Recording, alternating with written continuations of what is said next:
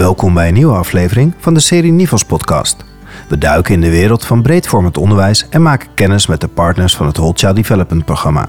Namelijk dat deze maatschappij in een ontzettend snelle culturele verandering is. En dat die culturele verandering iets doet met de traditionele plek van school en opleiding in dat geheel. Dit programma is een samenwerking van Nivels, een aantal leraaropleidingen en verschillende scholen om met elkaar breedvormend onderwijs te ontwikkelen met uitdrukkelijke aandacht voor leerlingen die opgroeien in moeilijke omstandigheden. Als we ook kijken zeg maar, naar ons beroepsprofiel, dan zie ik het als onze opdracht om studenten eh, een stukje te vormen in wie ze zelf zijn. Ik ben. Daarnaast ook hen de kennis en de vaardigheden mee te geven om ja, ook straks kinderen te begeleiden naar een plek in onze maatschappij. Dare to be a straight out man, dare to stand alone, dare to hold the purpose firm, dare to make it known. Dus daar zit iets heel stoers in. Daar zit iets in van, jij mag ook echt ergens voor staan. Maar vanuit die houding ga je je nu openstellen voor een ander. Mijn naam is Janja Pubeek en in dit gesprek bezoek ik Peter van Olst en Helene Driessen aan de Driestar Hogeschool. En ik ga met hen in gesprek over wat breedvormend onderwijs vraagt van het opleiden van leraren. Welkom in de podcast van Nivos over Whole Child Development. Dankjewel. Dankjewel. Peter, kan jij vertellen wie ben jij en waar zijn wij? Laat ik beginnen met waar we zijn. We zijn bij Driestar Educatief, onze hogeschool. Is hier uh, onderdeel van. Ik werk zelf op de PABO, net als uh, Helene. En als PABO doen we mee met het uh, project Whole Child Development. binnen de PABO ben ik docent, docent-onderzoeker. Ik ben docent godsdienst hier. Tegelijk ben ik coördinator internationalisering. En in die hoedanigheid verantwoordelijk voor een doorlopende leerlijn wereldburgerschap in ons onderwijs. Met name richting het nieuwe curriculum dat inmiddels uh, in het eerste jaar is gestart na een pilot uh, voorfase. Ja, daar richten we ons met dit project ook op om uh, daarin een hele goede, hopelijk leerlijn wereldburgerschap een plek te geven. En die heeft voor mij alles te maken met het onderwerp waar we het over gaan hebben. Een breedvormend onderwijs. Juist. Ja. Helene, wie ben jij? Ja, ik ben Helene. Ik werk uh, nu mijn vierde jaar hier uh, op uh, Driestar Educatief als docent pedagogiek. Ik heb hier um, zelf ook de PABO gevolgd, heel x aantal jaren terug.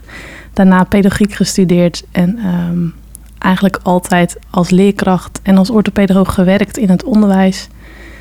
En ik zag deze vacature voorbij komen vier jaar geleden en ik dacht het is wel mooi als ik mijn ervaringen uh, kan delen ook met studenten om hen ook zo voor te bereiden op een plek uh, als christelijke leerkrachten op de basisschool.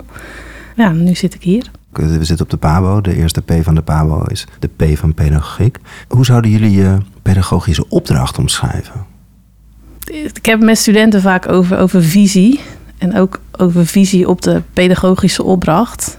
Nou, als we, als we kijken zeg maar, naar ons beroepsprofiel, dan zie ik het als onze opdracht om studenten uh, een stukje te vormen in wie ze zelf zijn. Dus ik ben. Uh, en daarnaast ook hen de kennis en de vaardigheden mee te geven om nou ja, ook straks voor de klas um, ja, kinderen te begeleiden naar een plek in, in onze maatschappij. Nou, dan vormt een klas eigenlijk een mini-maatschappij waarin je als leerkracht leiding geeft.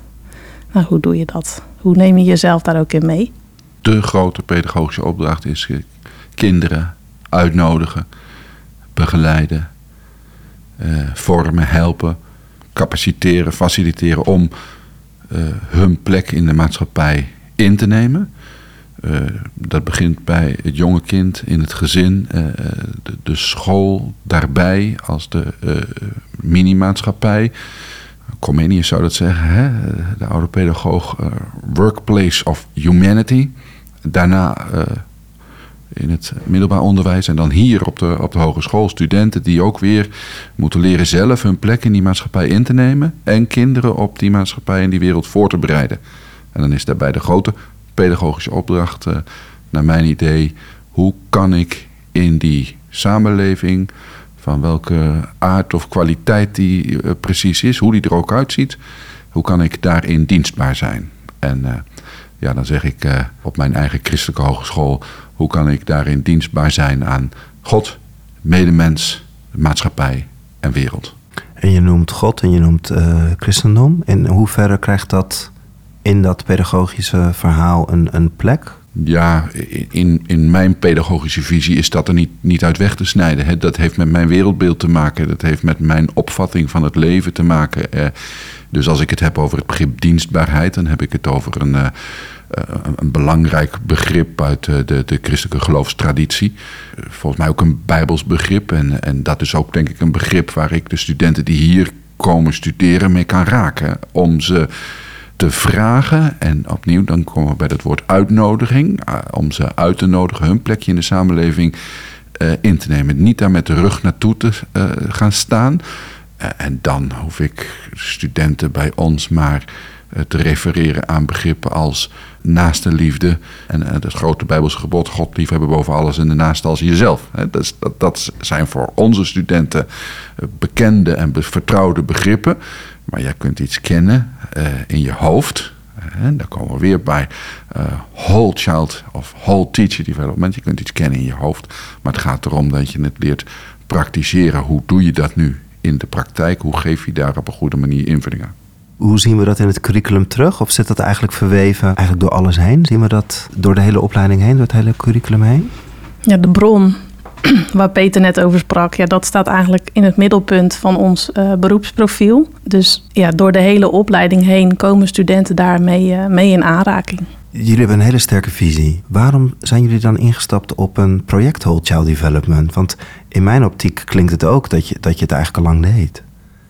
Enerzijds wel. Hè. Enerzijds zit uh, dat in, in, de, in, in de brede christelijke traditie. We hebben altijd gezegd, die pedagogische opdracht, die vinden we belangrijk. En dat heeft met hoofd, hart en handen te maken. Dat zijn ook weer van die begrippen die zijn, uh, die, die, zijn vertrouwd. Uh, maar de vraag is wel steeds, voer je die uit? En voer je die nog uit? En dan kijk ik met name vanuit cultureel perspectief ook naar ons eigen handelen. En wat me dan opvalt is dat wij in onze samenleving cultureel eh, in de loop van jaren, decennia, eeuwen terecht zijn gekomen in een sfeer waarin we toch vooral gericht zijn op het hoofd. Vooral gericht zijn op cognitie, kennis. En soms ook hebben geleden aan reductie of reductionisme. Dus het terugbrengen van uh, het kind of de leerling naar zijn cognitieve capaciteiten. Daar hebben we onze in, in de christelijke traditie, christelijke scholen, christelijk onderwijs helemaal niet aan ontworsteld of aan onttrokken. We zijn net zo goed uh, westers, we zijn net zo goed rationalistisch ingesteld, we zijn net zo goed dualistisch, we zijn even goed kinderen van Descartes. Uh, nou, al dat soort dingen dragen eraan bij dat we wel hele mooie idealen hebben. Maar echt ook kijken naar onze eigen praktijk moeten zeggen: we hebben een culturele correctie nodig. Want we zijn veel te veel eenzijdig gericht geraakt op dat hoofd. En dat kan er zelfs toe leiden dat we met alle mooie idealen die we dan beleiden, in de praktijk ergens uh, met onze rug naar de samenleving toekomen te staan. Om maar een voorbeeld daarvan te noemen.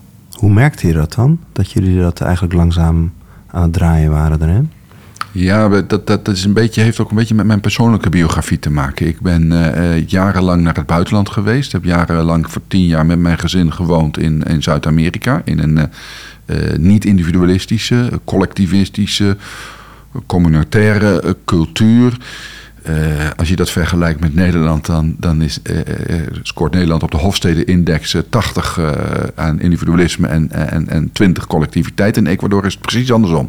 dus wat dat betreft tegenpolen. En op een gegeven moment kwam ik terug, dat is in 2016 gebeurd. ik moest een nieuw begin maken, heb toen heel bewust voor het onderwijs gekozen. heb een aantal avonden hier op de PABO gevolgd, omdat men op zoek was naar nieuwe medewerkers. En begrepen dat men ook geïnteresseerd was in mensen die niet automatisch uit het onderwijs kwamen. Dus daar is eh, mijn verbinding aan, aan deze Pabo uh, tot stand gekomen. Maar dan loop je vervolgens op die Pabo rond. En dan denk je van, uh, ja, maar waarom doen wij de dingen eigenlijk zoals we ze doen? En dan heb je ook nog eens, ik denk, een oog gekregen door die omstandigheden voor het feit dat de cultuur ook ontzettend snel verandert. Nou, in mijn persoonlijk onderzoek, dat ook met dit traject te maken heeft, eh, probeer ik daar heel veel aandacht aan te besteden. Namelijk dat deze maatschappij in een ontzettend snelle culturele verandering is. En dat die culturele verandering iets doet met de traditionele plek van school en opleiding in dat geheel.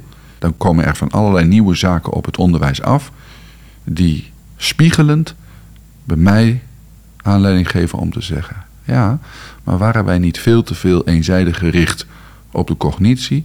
Waren we niet op een reductionistische manier met ons onderwijs bezig? Lopen we dan nu niet tegen onze grenzen aan, in de, juist in deze culturele veranderingen die wij meemaken? En dan heb ik het even, om dat even heel kort te duiden met twee begrippen: uh, superdiversiteit en supercomplexiteit in de samenleving. Herken je dat plaatje wat Peter schetst? Ja, ik herken dat wel. En als je daar met studenten over praat, herkennen zij dat ook wel. Wat hoor je dan? Wat krijg je terug? Nou, dat het heel erg inderdaad op het cognitieve gericht is. Um, ik haal regelmatig in mijn colleges aan uh, Gert Bista. Dus dat het onderwijs niet alleen gericht moet zijn op kwalificatie, maar ook zozeer op socialisatie en ook een stukje op vorming van, uh, van de persoon, van de kinderen. En dat beamen ze ook. Maar ik zie ook wel een worsteling van, maar hoe doen we dat dan? Want we hebben te maken met einddoelen. Uh, we worden afgerekend op. Tenminste, dat idee leeft.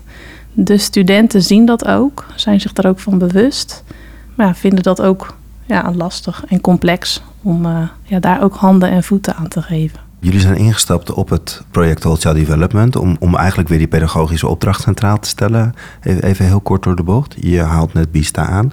Zijn laatste boek met wereldgericht onderwijs draait dit eigenlijk helemaal om. Hè? Dan staat die kwalificatie misschien wel achterop. Hè, waar, die, eh, waar, waar je net van zei, van studenten ervaren dat die voorop staat. Hoe zijn jullie in de PABO aan de slag gegaan om weer die pedagogische opdracht centraal te gaan stellen? Of waar loop je dan tegenaan? Of neem, neem mij eens mee, je stapt eh, de PABO in en je ziet dat het veel vanuit het hoofd gaat en je wilt het weer terugbrengen naar die pedagogische opdracht.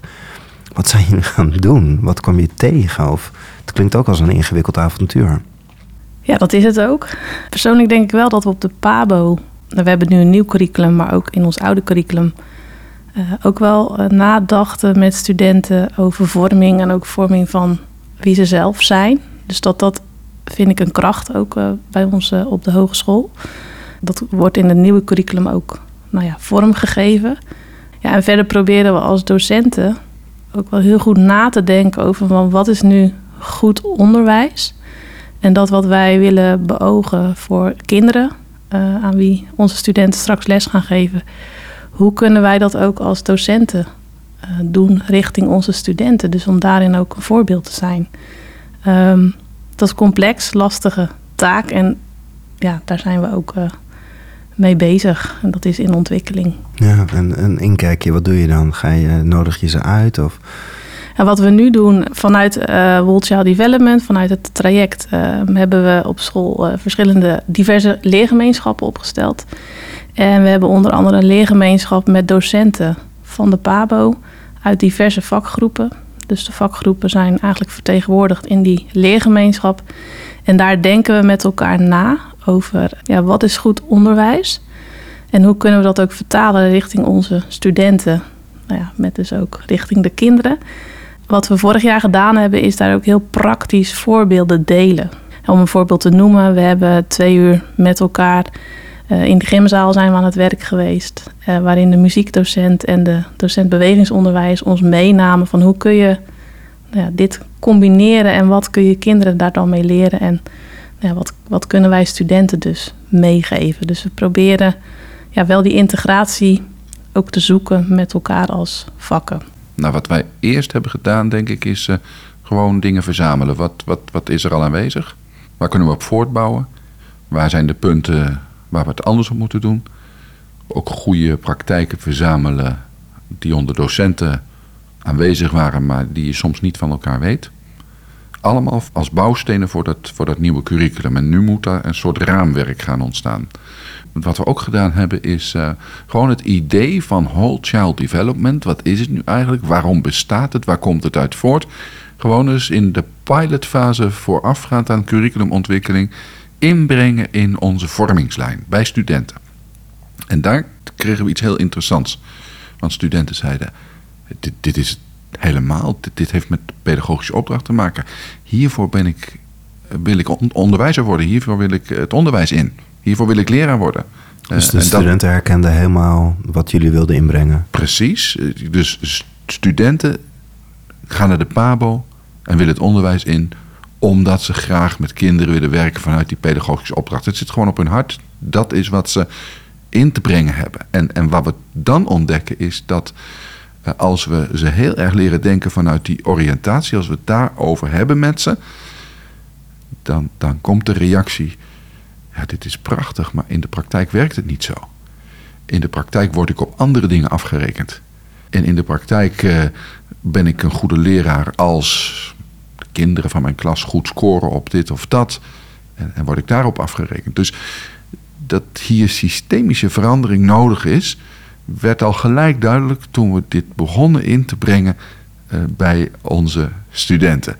Nou, dat, dat stelt je dus uh, heel nadrukkelijk voor de vraag van, ja, dit, hoe doe je dit op een manier dat je het echt meegeeft aan de studenten dat het niet alleen een stukje kennis is wat ze bij zich hebben, maar wat, dat het in hun hele hart en leven zit om, uh, om ze ook weerbaar te maken tegen ja, soms systemen die andere dingen van ze vragen. Om dan toch uh, onder alle omstandigheden uh, de pedagogische relatie met het kind centraal te blijven stellen en echt oog te hebben voor wat dat kind nodig heeft.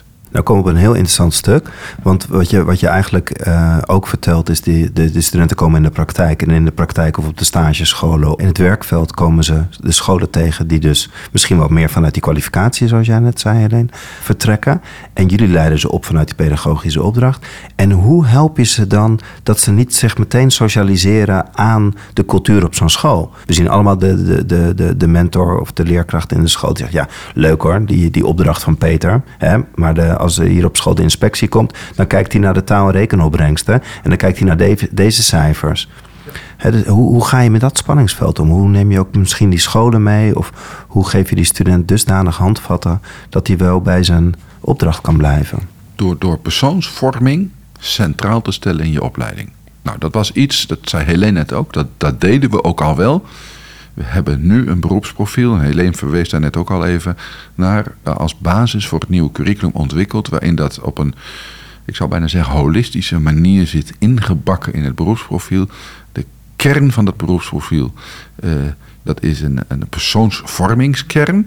Uh, en dat is een draaischijf. Daaromheen zit een kennisring van vakkennis die je nodig hebt. Daaromheen zit een ring van beroepstaken, een aantal dingen die je in de praktijk moet uitvoeren. Dus dan merk je in dat beroepsprofiel zit al iets van uh, hart en hoofd en handen. Uh, ik moet iemand zijn, ik moet iets uh, weten of kennen, ik moet iets kunnen. Die schijven draaien ten opzichte van elkaar, zodat je over iedere taartpunt in, die schijf die je eruit zou kunnen nemen iets zou moeten kunnen zeggen, daarop zou moeten kunnen reflecteren. En waarom doen we dat?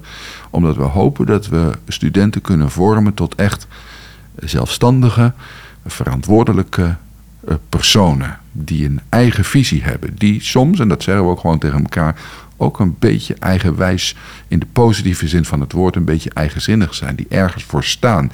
En die op hun scholen kunnen aangeven op het moment dat uh, systemen van mij dingen vereisen die tegen mijn pedagogisch gemoed of hart indruisen, eh, dan, dan moet ik kunnen opstaan en zeggen: Ik ben gevormd tot iemand die weet waarvoor die staat. En ik sta voor die pedagogische relatie. Dus we zoeken echt naar studenten met een, die gevormd zijn op een manier dat ze ook durven een zekere eigenheid in te brengen. En als het dan gaat om die eigenheid, dan, dan willen we het heel nadrukkelijk in die vormingslijn ook met ze hebben over uh, wie ben je, waar sta je voor en de pedagogische opdracht. En lukt dat dan bijvoorbeeld ook al op de opleiding? Want mijn ervaring met curriculumverandering, je komt ook de vakgroep uh, taal tegen en rekenen. Nou, dat zijn toch wel de belangrijke vakken. Hè? Dus vakdocenten vinden vaak hun eigen vak erg belangrijk. Hè? En nu stel je eigenlijk de vraag, kan jij je vak in dienst van die brede vorming zetten? Hoe, hoe zijn jullie met elkaar in die vormingslijn gestapt? Kunnen wij andere leraaropleidingen daar iets van leren? Want ik denk dat het een vraagstuk is die overal wel geldt. Ik denk dat als je kijkt naar de ontwikkeling van ons nieuwe curriculum, dat we uh, heel veel momenten ook gehad hebben, bijvoorbeeld op studiedagen, waarin we elkaar ook informeerden. En ik denk dat dat wel een belangrijk uh, aspect is, dat je van elkaar ook weet waar je mee bezig bent, dus ook als vakgroep. Ik denk dat dat wel ja, een sterk punt is in, in, in de en is vernieuwing. dat genoeg? Eh, informeren? Want je moet eigenlijk een stukje... Nou, en ook een stukje de samenwerking ook wel zoeken. ja. Ik ben zelf bijvoorbeeld eh, betrokken, eh, vooral in de ontwikkeling van die beroepstaken, dus die buitenste eh, lijn. En daar zoek je ook de samenwerking met andere vakken. En daarin ga je samen nadenken van wat is goed voor onze studenten. Wat hebben zij nodig om zich nou ja, ook op goede wijze te kunnen ontwikkelen. Dus vooral de verbinding zoeken eh, met elkaar en ook met elkaar in gesprek blijven. En ja, die samenwerking ook eh, aangaan. We doen vanuit verschillende vakgebieden een stuk kruisbestuiving. Hè, dus eh, vak doorbrekend of vakoverstijgend werken. Eh een van de bijeenkomsten die we daar vorig jaar hebben gehad, vond ik eigenlijk misschien wel de mooiste bijeenkomst. Was dat een docent rekenen en een docent taal samen iets vertelden over hun gezamenlijke minor. Wat ik dus een goed voorbeeld vind. Hè. De minor op taal kun je rekenen. Eh, dan zijn studenten met die twee vakgebieden tegelijk bezig. Kan dat? Ja, het bleek toen dat dat kan, dat is geweldig. En wij zaten er met andere docenten bij. Muziekdocent, bewegingsdocent, pedagogiekdocent. En ik als theoloog. Daar ontstonden geweldig mooie gesprekken over. Hoe kijk je nu eh, als student, als leerling om je heen? Eh, hoe beleef je de werkelijkheid? Hoe beleef je die, en dan vanuit mijn perspectief ook weer als, als, als Gods goede schepping? Hoe verwonder je je daarover? En, en wat betekent dat dan vervolgens eh, uh, voor al die verschillende vakgebieden en, en voor jouw verantwoordelijkheid als, als mens? Het klinkt ook heel makkelijk, Peter, zoals je het nu zegt. Het klinkt ook een beetje zo van, weet je, we hebben eigenlijk alleen de deur open gedaan en, en alle vakgebieden liepen naar binnen en de studenten liepen naar binnen. En hier wilden we eigenlijk allemaal al zijn. Was het zo makkelijk? Nou, op dat moment ging het vanzelf. He, de vraag is, hoe kom je daar in de praktijk terecht dat, je, dat, dat, je, dat het vanzelf gaat? Uh, want daar waren we met, met docenten, ook wel een beetje gelijkgezinden, ja, die dit ook, ja. fantastisch vinden. Maar dan blijkt het ook te werken. Nou, dan, dan is natuurlijk de vraag, hoe neem je anderen daarbij mee? En hoe zoek je die momenten die je eigenlijk in het onderwijs ook zou, zou kunnen noemen, die we hier ook wel eens noemen, gouden momenten. Dat even niet... Uh, de criteria uh, het werk voor je doen. Dat je niet zegt, we moeten nog even dit of dat afhandelen. Maar dat je zegt van, dit is een gouden moment. Hier, hier, hier gebeurt iets. Hier heeft echt leren plaats met elkaar. Het is natuurlijk wel zo dat docenten die in deze leergemeenschap participeren... daar ook een bewuste keuze voor gemaakt hebben. Dus ik denk dat dat wel een rol speelt in dat, dat de neuzen wel dezelfde kant opstaan... en dat we daarin uh, nou, misschien ook wel dezelfde idealen delen... Bouw je dan eigenlijk aan een nieuwe community met elkaar? Dus mensen die erop instappen en daarin meegroeien. En daarin gaan misschien andere mensen andere keuzes ja, maken in hun leven. Ja, en ook wel dat je nou ja, klein begint. Uh, als, een, als een proeftuintje, zoals we dat ook uh, nou, meerdere malen horen op de bijeenkomsten van het NIVOS.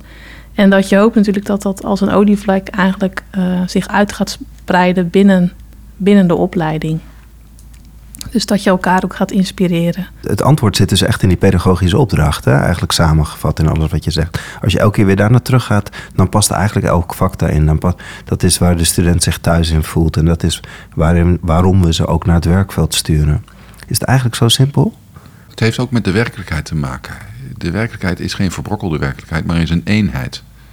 Uh, en, en die moet je dus, ja, soms moet je uiteen, hè, moet je uh, gewoon heel erg bezig zijn met Nederlands. En dan kan ik die docent Nederlands ook begrijpen die zegt van ja, we moeten wel zorgen dat het, uh, het leesniveau goed blijft, zo goed mogelijk. Uh, en en, en dat, uh, dat de grammatica op orde is. al dat soort dingen die je ook op zijn manier weer bij de rekendocent terugkomt. Maar uiteindelijk moeten we niet vergeten dat we met elkaar één werkelijkheid benaderen. En leerlingen, studenten, kinderen leren staan en omgaan met die ene werkelijkheid. Al ga je soms uiteen in verschillende vakgebieden, je moet ook vragen waarom moeten we elkaar weer? En waar kunnen we ook weer op elkaar aansluiten? Ja, dat, dat is nodig voor het, voor het benaderen van die ene werkelijkheid. En, en dat, dat heeft weer met dat culturele verhaal wat ik net vertelde te maken. Dat we ja, soms de dingen te veel scheiden. En daar maatschappelijk uiteindelijk ook weer de, de prijs voor betalen. Ja, want, want neem even mee in dat stuk. Hè? Want uh, we zitten nu in, in Gouda je zei net van het is super divers en het is super complex. Hoe bewegen jullie als leraaropleiding in een super complex en een super divers werkveld, waarvoor je toekomstige leerkrachten opleidt? Wat ontmoet je daarin en hoe kan je daar vanuit de opleiding nou ja, tools, uh, bewustwording, persoonsvorming meegeven? Nou, dat is precies het verhaal ook voor ons weer. Spiegelend naar onszelf, de culturele verandering. Wij, wij, wij, eh, wij zijn eh, als instelling gewoon nog best behoorlijk monocultureel. Ja. Dat betekent dat wij trekken uit het hele land studenten. Maar dat zijn toch hoofdzakelijk blanke studenten. Die weinig te maken hebben met armoedeproblematiek of lage sociaal-economische status. Die uh, weinig te maken hebben met uh, integratievragen, vraagstukken.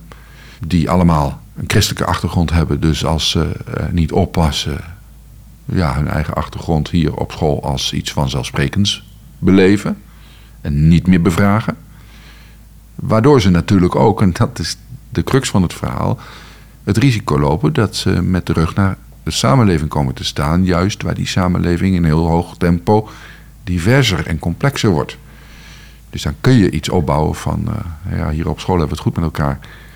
Maar daarbuiten, dat is uh, een al te complexe werkelijkheid. Laten we ons vooral richten op, uh, op christelijke scholen. Reformatorisch christelijke scholen. Nou, dan gebruikt Helene het woord bubbel. En dan denk ik dat iedereen begrijpt wat we daarmee bedoelen. Hè? Dat je in je eigen bubbel zit. En dat is niet weer iets typisch christelijk. Dat is uh, iets wat je in de samenleving overal om je heen ziet. Uh, mede veroorzaakt door algoritmes. Dat mensen in hun eigen bubbel blijven hangen. En wat ontstaat, dat, dat men met de rug naar elkaar staat. Dat de polarisatie toeneemt. Nou, dan zeggen wij, dan zouden wij ook weer vanuit onze christelijke identiteit de eerste moeten zijn dat, om te zeggen van het is misschien wel comfortabel, maar we moeten dit niet willen. We moeten juist uh, hier vanuit ons eigen gedachtegoed uh, het te goed aanspreken om te zeggen van ja, hoe leiden wij op om gewoon midden in die diversiteit een positief verschil te kunnen maken. En kan je vertellen hoe je dat een plek geeft in het curriculum of in die persoonsvormingslijn? Of waar zien we dat terug? We, we hadden een sterke vormingslijn, maar in alle eerlijkheid, die was wel een beetje cognitief. Dus je kunt van diversiteit die in de samenleving aanwezig is, op hele cognitieve manier kennis nemen. En dan zit je met z'n allen in een klas en dan zeg je, maar er zijn ook mensen die een ander geloof hebben. Uh, of er zijn ook mensen die, om even een, een, een thema te noemen, een andere genderbeleving of seksuele geaardheid hebben. Daar uh, zijn ook mensen die armoede lijden, die moeten integreren in de samenleving. En, dat levert allerlei struggles op. En dan kunnen we allemaal knikken. En zeggen, ja, dat, dat is zo, hè.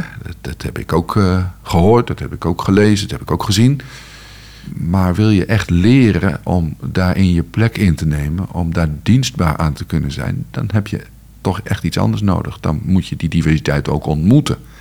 Nou, dat is in de leerlijn wereldburgerschap, uh, waar ik verantwoordelijkheid voor krijg, ook echt ons verlangen om uh, daarin niet alleen cognitief bezig te zijn, maar echt ook de diversiteit op te zoeken waar die is. En daarin aanwezig te zijn en daarin een bijdrage te kunnen leveren. En heb je al een idee hoe zich dat gaat vormgeven in de praktijk? Ja, we zijn er wel, uh, nou ja, het ontwerp lichter. Om een voorbeeld te geven, we zijn met Pabo 1 op werkweek geweest. Ons thema is uh, Shalom at Home. Dus waar we willen beginnen is eigenlijk heel dicht bij de studenten, dicht bij huis. Dat studenten ook elkaar leren kennen. Studenten onderling verschillen van elkaar. Hè. We zijn reformatorisch, we zijn uh, christen, maar daarin zijn ook verschillen. En langzaamaan willen we dat uitbreiden. In jaar twee is dan het, uh, het thema Shalom in the City. Dus dan worden de grenzen eigenlijk steeds uh, verbreed. Dus als het niet alleen cognitief blijft, maar ook nou, in de praktijk, dat studenten daar iets mee gaan doen. Dus kijk naar Pabo 1. We zijn in Nijmegen geweest en uh, zij moesten daar een vlog opnemen. En um, nou, gewoon eens mensen op straat aanspreken. En dan heel simpel, uh, dat kan met um, vragen zijn van de theezakjes. Maar waardoor wel een mooi uh, gesprek ontstaat. Dus dat is een eerste begin. Nou, shalom is een, een, weer een, een oud-testamentisch bijbels begrip. Wat overigens ook uh, net zo goed uh, in het jodendom en in de islam bekend is. Hè. Salam, het betekent vrede. En we nemen die notie over van een Amerikaanse onderwijsfilosoof, Nicholas Wolterstorff. Die schrijft over educating for shalom. En die zegt in die pluriforme maatschappij, wil je daar in dienst bij zijn, dan zul je je eh, mensen moeten opleiden tot agents for shalom. Nou, dan hebben we het gelijk over agency, verantwoordelijkheid, uh, dienstbaarheid, bijdragen. en dat willen we gewoon opnemen, die hele gedachte, in ons curriculum. Dus daar komt dat uit voor. In de eerste jaar leer je omgaan met diversiteit in je eigen kring. En daar hoort dan ook een opdracht bij. Iemand uit die eigen kring opzoeken die totaal anders denkt dan jij. Want wij kennen hier ook wel een beetje de draak van de monocultuur.